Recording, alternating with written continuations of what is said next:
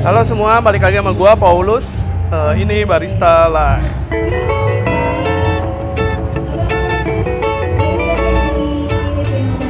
Halo halo semua, apa kabar ini? Semoga baik-baik aja ya, sehat-sehat selalu. Ini gua lagi ada di Park 23 Mall di Tuban, ya di Bali, masih di Bali.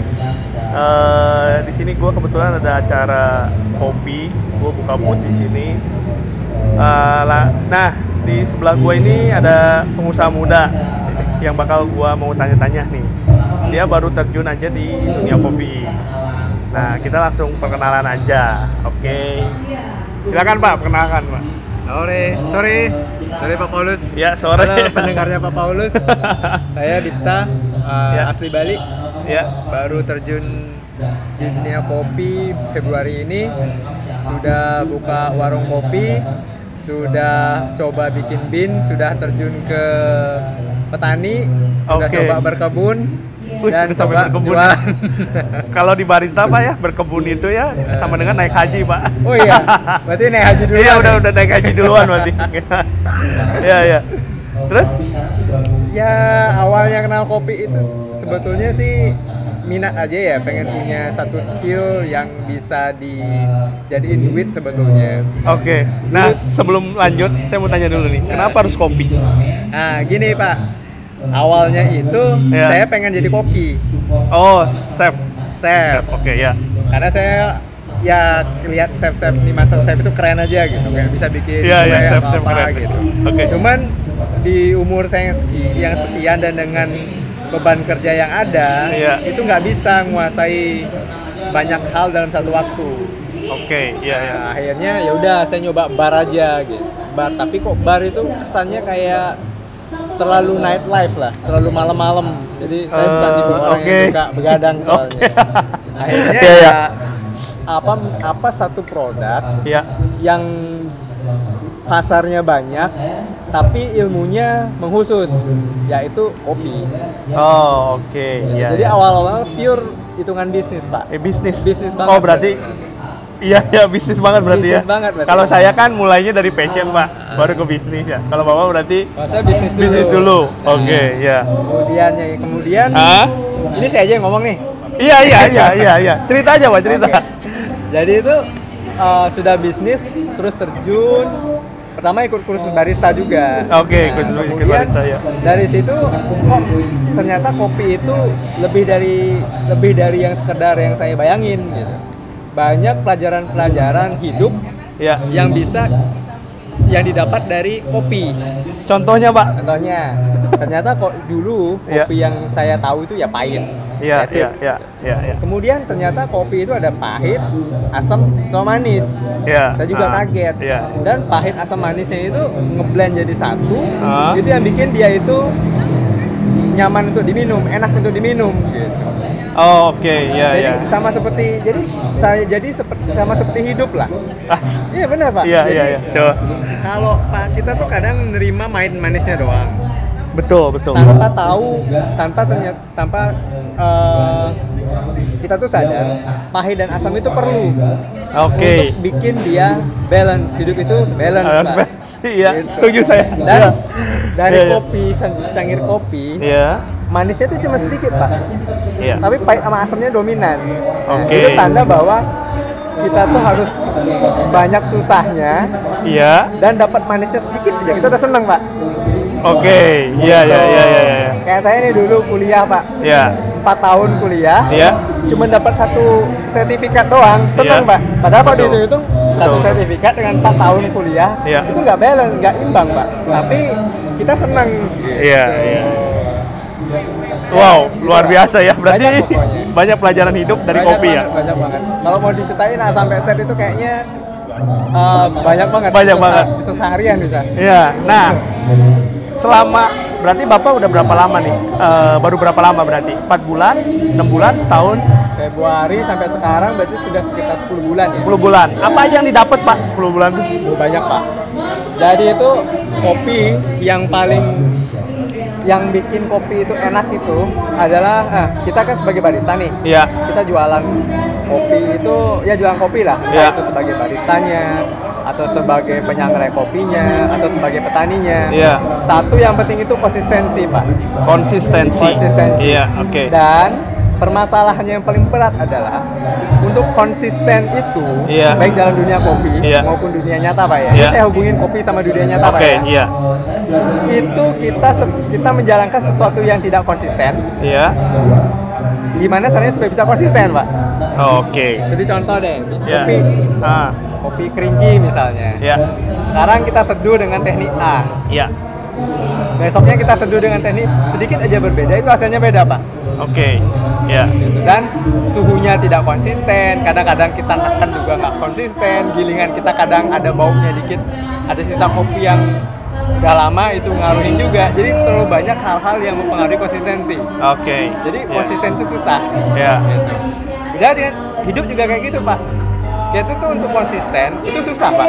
Banyak banget godaan. Betul, betul, Pak. Ya, males lah. Iya, iya, iya, iya, iya. Ya, apalah, ada Iya. nggak sesuai harapan lah, Iya, apalah, iya. apalah. Cuman ya di samping semua itu, di samping dengan kegagalan-kegagalan ya, Iya. kita bikin kopi nggak saya nggak enak Iya. Dan kita gagal di dunia nyata juga nggak enak. Iya. Tapi ada satu pak, Apa tuh? kalau kopi Iya. sejelek apa pun, segagal apa pun, Iya. itu tetap ngasih manfaat pak, kafeinnya.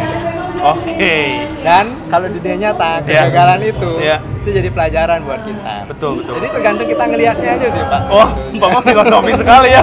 Nah, makanya tuh dari saya bisnis oriented Oke. berubah jadi passion pak. Oh. Iya, iya, iya. Bagus, bagus, bagus. Cuman yang satu yang bikin sa- yang masih jadi pertanyaan saya itu Iya. adalah eh, yang pernah saya dapat dari kopi Iya. itu saya kalau setiap bikin kopi itu tidak pernah enjoy pak. Kenapa? Hah? Kenapa? Gak pernah enjoy. Karena begini pak, saya itu setiap bikin kopi Iya. itu saya seolah-olah kayak belajar.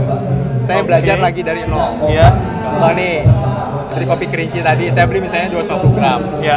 Biasanya sih saya pakai kan 10 gram lah per Iya. sekali seduh ya. Ah. Nanti saya bisa pakai 25 kali. Iya. Nah, dari 25 kali saya nyeduh itu, saya nggak pernah sekalipun, saya anggap setiap nyeduh itu saya ulang dari nol.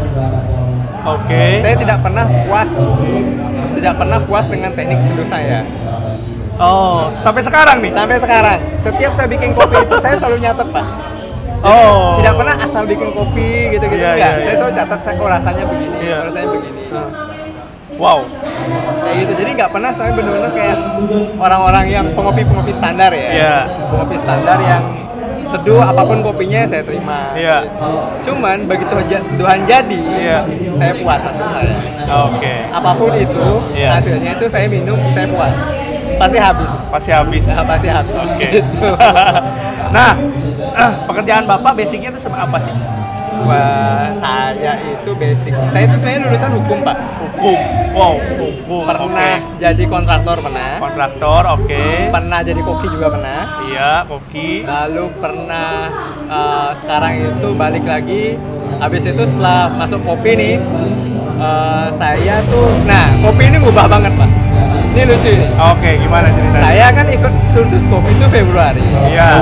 April ada tes barista Oke, backcraft- sertifikasi ya? ah, sertifikasi Oke, iya, backcraft. ada garudanya pak Iya. lalu pas saya ikut sertifikasi Iya. itu yang lulus tuh sedikit pak Yang lulus sedikit, Ah, oke. jadi saya uh, saya urutan sertifikasi itu urutan ke 110 Hmm. terus ngeliat teman-teman saya yang senior-senior yang udah lama di dunia kopi itu gagal semua pak Oh, oke. Kebanyakan gagal. Iya. Yang Terus senior saya- malah gagal ya? Iya. Oke. terus saya pesimis dong Iya. saya baru loh baru Februari latihan Iya, iya. Nggak pernah pegang mesin kemungkinan nggak lulus kecil dong Iya, terus betul. saya bilang gini ah kalau saya lulus ini Iya. saya resign dari kerjaan saya di kontraktor Wow. Iya, lulus, banget dong. Oh, soalnya lulus, lulus. Oke, oke. karena lulus Iya. ya jadinya mau nggak mau ya resign gitu tanda Iya, gitu iya, iya. akhirnya coba buka ya udah gimana nih akhirnya mau nggak mau saya langsung seminggu kemudian saya resign Iya. terus akhirnya gimana nih resign tanpa ada persiapan Iya. tagihan banyak Iya. gimana nih Oke. habis itu ya udahlah cobalah praktekin ilmu kopi akhirnya main ke suatu warung ada teman punya warung Iya. nggak jalan warungnya pak Oke. Di Saya- daerah mana tuh, Pak? di daerah Jalan Bedugul pak Oke. di dekatnya Undiknas Aha. lalu saya masuk akhirnya ya udah dia ngasih saya sewa di depan Iya. dua setengah juta per tahun Oke. kayak rombong gitu Iya. lalu tapi syaratnya saya harus ngelola dapurnya dia juga Oh, dan saya kasih dan saya ngasih dia dua menu Oke. ya udah saya bikin menu Bali lah saya ubah Iya. semua menunya Iya. Jadi saya bikin kopi di depan dulunya manual pak pakai flat Iya iya iya manual ya. nah, habis itu tahunya mesinnya rusak Mesinnya rusak, oke. karena demandnya lumayan tinggi Iya. akhirnya ya udah saya, beranikan lah ngambil kur buat bikin mesin Iya. akhirnya ya jalan sampai sekarang Oke. Iya ya, wow hebat. Hebat banget sih perjalanannya Pak ya. gambling pak Gambling bener, gambling. Cuman berani memutuskan untuk membuka usaha ya. Ya, untuk membuka usaha sendiri sih. Aslinya berarti kontraktor sama ini ya, apa? eh, konsultan ya konsultan hukum itu konsultan hukum ya. Oke, yang beralih ke kopi. Ya luar biasa banget ya. Eh, menurut Bapak nih, perkembangan coffee shop di Bali itu seperti apa sih?